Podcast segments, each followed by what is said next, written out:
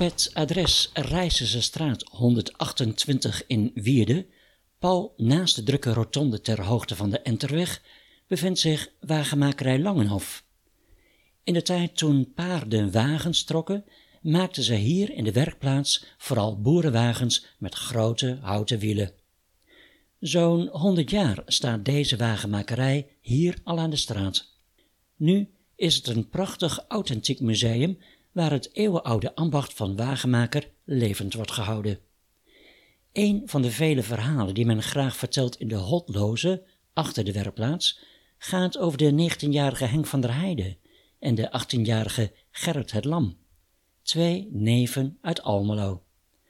Zij bouwden hier in 1932 een vliegtuig. Daarover straks meer. Dat Henk en Gerrit belangstelling hadden voor het vliegverkeer, kan ik heel goed begrijpen. Het was in de begin jaren 30 van de vorige eeuw dat het vliegverkeer de spreekwoordelijke hoge vlucht maakte, ook in Twente. In Lonneker werd luchtvaartterrein Twente aangelegd en in januari 1931 landde daar het eerste particuliere vliegtuig. In de zomer van dat jaar was er een gigantische toeloop van belangstellenden voor de officiële opening van het vliegveld en de eerste luchtvaartweek Twente. De KLM organiseerde samen met de Rotterdamse Aeroclub en de Nationale Luchtvaartschool demonstraties met sportvliegtuigen en passagiersrondvluchten boven Twente. 80.000 mensen kwamen kijken. Voor zes gulden kon je al mee voor een pleziervlucht van een klein kwartier boven bijvoorbeeld Enschede. En voor een tientje werd je naar Almelo gevlogen. Het meest betaalde je voor een rondvlucht boven Deventer of Münster, 17 gulden 50. Tijdens de eerste vliegweek ondergingen in een paar dagen tijd bijna 4000 Twentenaren de luchtdoop. Het was een ongekend groot succes. Ik vermoed dat Henk en Gerrit vast ook vanuit Almelo naar Lonneker zijn gefietst om al die vliegtuigen van zo dichtbij te bekijken. Ik weet het niet, maar ik denk dat ze een jaar later erbij waren toen graaf Zeppelin op 18 juni 1932 voor heel veel opschudding zorgde. Heel Twente raakte ervan in de war. Wekenlang had iedereen uitgezien naar de dag dat deze Zeppelin op Twente zou aankomen. Alle bedrijven in de regio waren die dag gesloten of begonnen later op de morgen. En de scholen gaven vrij. Niet vreemd dat er een enorme belangstelling werd verwacht. En niet alleen vanuit Twente. Er zouden wel 60.000 bezoekers kunnen komen. Dat bleken er later naar schatting 100.000 te worden. Rond half vijf in de ochtend was het al zo druk dat het verkeer maar moeilijk bij het vliegveld in Lonneker kon komen. De mooiste plekjes waren natuurlijk al bezet. Rondom de landingsplek stond het zwart van de mensen. Al die belangstellende bezoekers moesten nog wel een poos geduld hebben. Niet alleen koffie, melk en limonade, maar ook allerlei merchandising als zonnekapjes, speeltjes en kaarten van de Zeppelin werden massaal verkocht. Wat later dan gepland kwam tegen acht uur de Zeppelin in zicht en ging er luid gejuich op. Twintig minuten later voerde de Graaf Zeppelin een perfecte landing uit. Opnieuw een oorverdovend gejuich. Honderden fototoestellen registreerden het fenomenale gebeuren. Passagiers stapten uit en nieuwe passagiers gingen daarna gelijk aan boord, want na 40 minuten zet het luchtschip zijn reis alweer voort met een omweg over Hamburg en Leeuwarden om uiteindelijk in Rotterdam weer te landen. De Graaf Zeppelin was naar Twente gevaren in de week dat de nieuwe luchtlijn Twente-Amsterdam officieel werd geopend. Deze luchtlijn was meteen een groot succes. Het was mooi om te zien als morgens een vliegtuig het luchtruim koos of s'avonds weer terugkeerde. Altijd waren er kijkers. Ik denk dat ook Henk van der Heijden en Gerrit het Lam zich hier wel eens vergaapten aan de toestellen. Het gloednieuwe vliegveld Twente en de landing van de Graaf Zeppelin moet het vliegeren beide geweldig hebben aangewakkerd. Ze raakten begeesterd van al dit letterlijk opkomend vliegverkeer. Ze droomden ervan. Ze hadden het er vaak over met elkaar. Ze zagen het al helemaal gebeuren. Zij wilden ook met een vliegtuig de lucht in. Maar ja, hoe kwam je daaraan? Zo'n vliegtuig was duur. Dat konden ze niet betalen. Zo jong, onbevangen en enthousiast als beide waren, zeiden ze: We maken er zelf een. Als voorbeeld nam Henk een vliegtuig van Fokker in de zogenaamde F5-serie uit de begin jaren 20. Bijzonder aan dit type was dat de romp niet bestond uit stalen buizen met daaroverheen gespannen linnen zoals tot dan toe gebruikelijk was, maar uit twee lage dunne triplexplaten. Een laag in de cabine en een laag aan de buitenkant. Maar Henk zal wellicht ook geweten hebben van vliegtuigfabriek Pander. Deze fabriek maakte vliegtuigen van hout. Bij Pander waren houtbewerkingstechnieken niet vreemd, want ze waren succesvol in de meubelbouw. De vliegtuigen werden vaak in delen in de fabriek gebouwd en later na vervoer over de weg naar een vliegveld daar in elkaar gezet. Wat Fokker en Pander kunnen, kunnen wij ook, dachten Henk en Gerrit. Gerrit werkte in de wagenmakerij van Jan Langenhof in Wierde en wist dus hoe je hout het best kon bewerken. En wat hij niet wist, kon hij daar vragen. Gerrit vroeg zijn baas of hij en zijn neef op de zolder boven de werkplaats hun droom mochten verwezenlijken. Langenhof moet dat vast een krankzinnig idee hebben gevonden.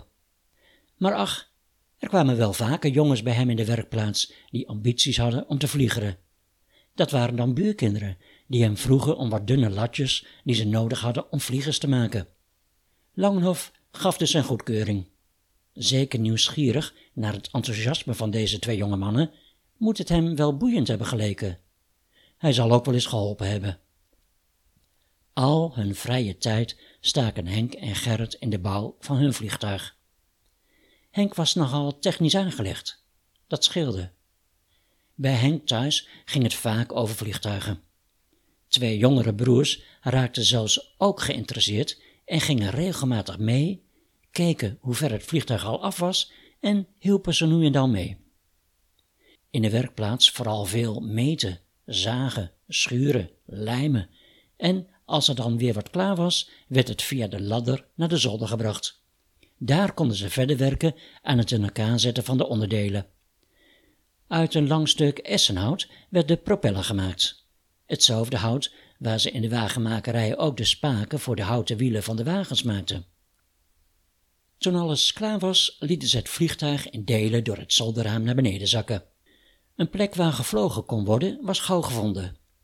Bij Willem Vlogman aan de Schietbaanweg. Willem was een bekende van de Van der Heidens, want ze hadden bij hem op het uitgestrekte heideveld van het Wierdense veld bijenkasten staan. Willem vervoerde de vliegtuigonderdelen met paard en wagen naar zijn boerderij. Voor de boerderij, naast de moestuin, werd een met dakpannen bedekt laag bouwsel gemaakt. Een soort van hangar, om het vliegtuig tegen weer en wind te beschermen. Hier zetten Henk en Gerrit het vliegtuig in elkaar. Het vliegtuig had een spanwijdte van 7,5 meter en een lengte van 6 meter. Voor de cockpit werd een motor geplaatst. Bovenop zat de 10 liter benzinetank. De benzine liep rechtstreeks naar de motor eronder. Ondersteboven vliegen was Henk dus zeker niet van plan. Het landingsgestel bestond uit twee wielen van een motor. Het achterwieltje was een stuk sleepstaal. De kleppen voor stijgen en dalen aan de vleugels stonden via bedrading in verbinding met pedalen in de cockpit. Daar was op een simpel stoeltje van triplex alleen plek voor Henk. Met zijn handen en voeten kon hij de instrumenten bedienen. Om het helemaal op een echt vliegtuig te laten lijken, verfde Henk grote witte letters op de blauwe romp. P, H, A, D, A. De letters PH staan voor Nederland, de letters A, D, A vormden de voornaam van Henks moeder, Ada. Tegenwoordig is het zo dat een zelfgebouwd amateurvliegtuig eerst moet worden gekeurd. Het vliegtuig moet namelijk voldoen aan allerlei eisen. Na goedkeuring mag je ermee vliegen, mits je een speciaal bewijs van luchtwaardigheid aanvraagt bij de inspectie leefomgeving en transport. Henk had van dit alles niets aangevraagd. En hij had zijn toestel ook niet laten inschrijven in het luchtvaartregister. Toen kwam de grote dag. Familie en bekenden werden uitgenodigd getuige te zijn van de eerste proefvlucht. De verwachtingen waren hoog gespannen. Zou het Henk gaan lukken? Voor het eerst in een nog jonge vliegtuiggeschiedenis zou vanaf Wierdens grondgebied een vliegtuig opstijgen. Helaas waren er geen camera's die dit grote gebeuren vastlegden. Door de tweebladige propeller een flinke zwaar te geven, startte de motor. Tot grote teleurstelling van de twee vliegtuigbouwers bleek deze vlucht geen succes. Er was wel heel veel geronk. Het vliegtuig reed wat rondjes op propellerkracht en af en toe was er zelfs een sprongetje van enkele centimeters boven het veld. De motor, een 750cc Harley Davidson, die ze van de eerste Almeloze auto- en motorensloperij H. Borink in Almelo hadden geleend, bleek lang niet genoeg vermogen te hebben om het 350 kilo zware toestel de lucht in te krijgen. Dat was echt een flinke domper. Maandenlang hadden ze hieraan gewerkt en naartoe geleefd. Misschien wel slecht van geslapen vanwege de spanning. Ze hadden zich er zo op verheugd. Iedereen ging gedesillusioneerd naar huis. Maar Henk en Gerrit gaven niet op. Met een viercilinder Henderson motor zou het vast wel gaan lukken. Dit type motor was namelijk gangbaar in kleine, eenvoudige vliegtuigen. Groot probleem was dat er voor zo'n motor wel flink wat meer geld moest worden neergeteld. En dat geld hadden ze niet. Henk werkte bij de coöperatieve landbouwersbank in Almelo. Daar werkte ook zijn tien jaar oudere vriend Geert Alink als in- en verkoper. Deze Geert wilde wel helpen met het inzamelen van geld. Crowdfunding noemen we dat tegenwoordig. Hun zelfgebouwd vliegtuig zou tegen betaling van een zilveren dubbeltje te zien zijn. Omgerekend naar nu is dat een euro. Best wel veel geld tijdens de crisisjaren. Niet iedereen had dat er dus voor over. En al helemaal niet als je met het gezin wilde komen kijken. Een enkele nieuwsgierige bezoeker verleidde Willem Vlogman om zonder te betalen toch te mogen kijken. Toen Tikkie nog moest worden uitgevonden, kon je op een betrouwbare manier via een postwissel betalen. Het geld betaalde je op het postkantoor op naam van de begunstigde. Die kon het geld, als de wissel was bezorgd, op zijn eigen postkantoor incasseren. De bekende streekdichteres Johanna van Buren deed in het Twents Zondagsblad in januari 1933 een oproep om via zo'n postwissel geld te doneren voor de aanschaf van de gewenste motor. Le médecin middag, dat des een jong weet is, die hem de postwisseltien stuurt, dat hem de weg naar de viercilinder motor niet al te lang wordt. Ze maakte ook een gedicht. Aan den kloken jong in Almelo. Jonge vleegmachinemaker, Almelo een knuzzelder. I zijn verig met de hanen. I geen fusselder. I deur zich in de dingen. I hebt wisse een groot verstand. I zijn ene dat alleen kan. Loop niet aan de leidebaans. Zelf moest hij de weg goed zoeken, want van zulks hij niet leert. Mangs is in een boken snuffelt zelf maar wie de praktiseert. Daarom is zoveel te mooier nu geen hulp hebben had. I zijn te Twenteland tot ere en uw almeloze stad. Al uw vrije zetties gaf i, al uw centen offen i. Wat ne moed een vol te hon, wat ne hoop geduld heb i. Had misschien tien al aan tukken en de reigjes van de grond? Koppen dat het niet langer duurt of i vliegt boom Twente rond. Dat den handel met de prenties goed gaat en de centen komt en de viercilinder motor bin uw machine bromt. Was dat mooi wee als uw vader en uw moeder te kieken stoot, hij in de eigen machine over het hoes te vliegen gaat. Behalve dit mooie gedicht is er de prachtige foto waarop Henk en Gerrit samen met Geert bij een vliegtuig poseren. Henk in de outfit als van een piloot met een korte leren jas, een cap met oorkleppen en een motorbril op zijn voorhoofd. Zijn linkerarm quasi nonchalant leunend op de vleugel. Gerrit met alpinopet op naast het vliegtuig en Geert met gleufhoed op achter de andere vleugel. Een reclamebureau had er zo een pakkende tekst bij kunnen verzinnen. De belangstelling voor dit vliegavontuur was niet groot in de regio. En de actie om het vliegtuig te komen bekijken leverde nauwelijks geld op. Het vliegtuig werd uiteindelijk ter plekke afgebroken. Dat wil zeggen, de motor werd eruit gehaald en ging samen met de wielen terug naar Borring in Almelo. Gelukkig maar, zegt vele jaren later de zoon van Henk. Was het vliegtuig daadwerkelijk de lucht ingegaan, dan had mijn vader niet geweten hoe het verder moest. Hij zou zeker te pletten zijn gevallen met alle gevolgen van dien. De romp bleef nog lang staan. De hangar werd een kippenhok waar alleen de kippen vlogen en in de cockpit menig eitje zullen hebben gelegd. Op een foto uit de zomer van 1942 zien we dat het vliegtuig nog een keer weer tevoorschijn werd gehaald. Mogelijk ter gelegenheid van een huwelijk. Bij het vliegtuig staat een hele groep mensen. De letters A, D, A op de zijkant van de romp zijn goed te lezen. Enige jaren later ging de boerderij en waarschijnlijk ook het kippenhok met vliegtuig door een brand verloren. Was de vliegdroom van Henk uiteengespat na deze teleurstelling? Niet helemaal. Tijdens zijn militaire dienst werd hij een vakkundig vliegtuigmonteur.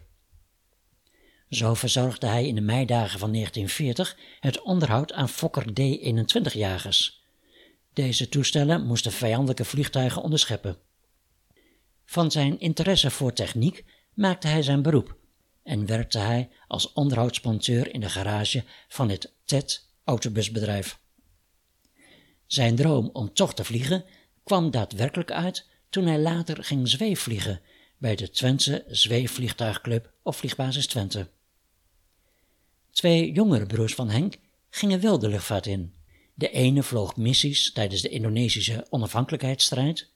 De andere werd tijdens de oorlogsjaren vlieger bij de Royal Air Force en later gezagvoerder bij de KLM. Het vliegen zat blijkbaar in de genen van deze familie van der Heijden. Henks zoon, Kees, werd ook een enthousiast zweefvlieger. Johanna van Buren had gedicht wat zal mooi weer als uw vader en uw moeder kijken staat. Hij in de eigen machine over het hoes te vliegen gaat.